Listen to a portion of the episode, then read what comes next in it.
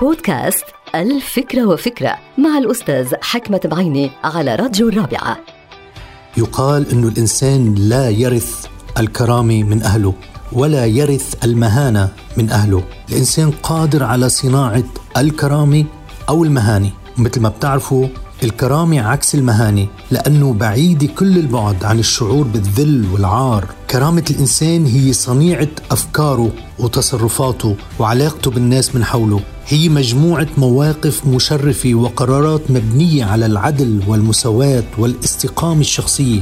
كرامة الإنسان هي مثل الهوى ما حدا بيعرف قيمتها إلا بس يفقد إمكانية تنفس الهواء هي الرافعة الوحيدة اللي بترفع صاحبها إلى أعلى المستويات من دون أي منة من أحد.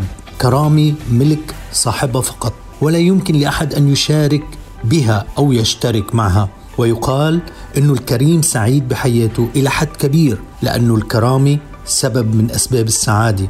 ويقال أيضا أن السعادة لا تكتمل من دون الشعور بعزة النفس والشرف وقيمة الذات. نعم لكل شيء قيمة. وقيمة الإنسان بكرامته. انتهت الفكرة. هذه الحلقة مقتبسة من كتاب الفكرة وفكرة.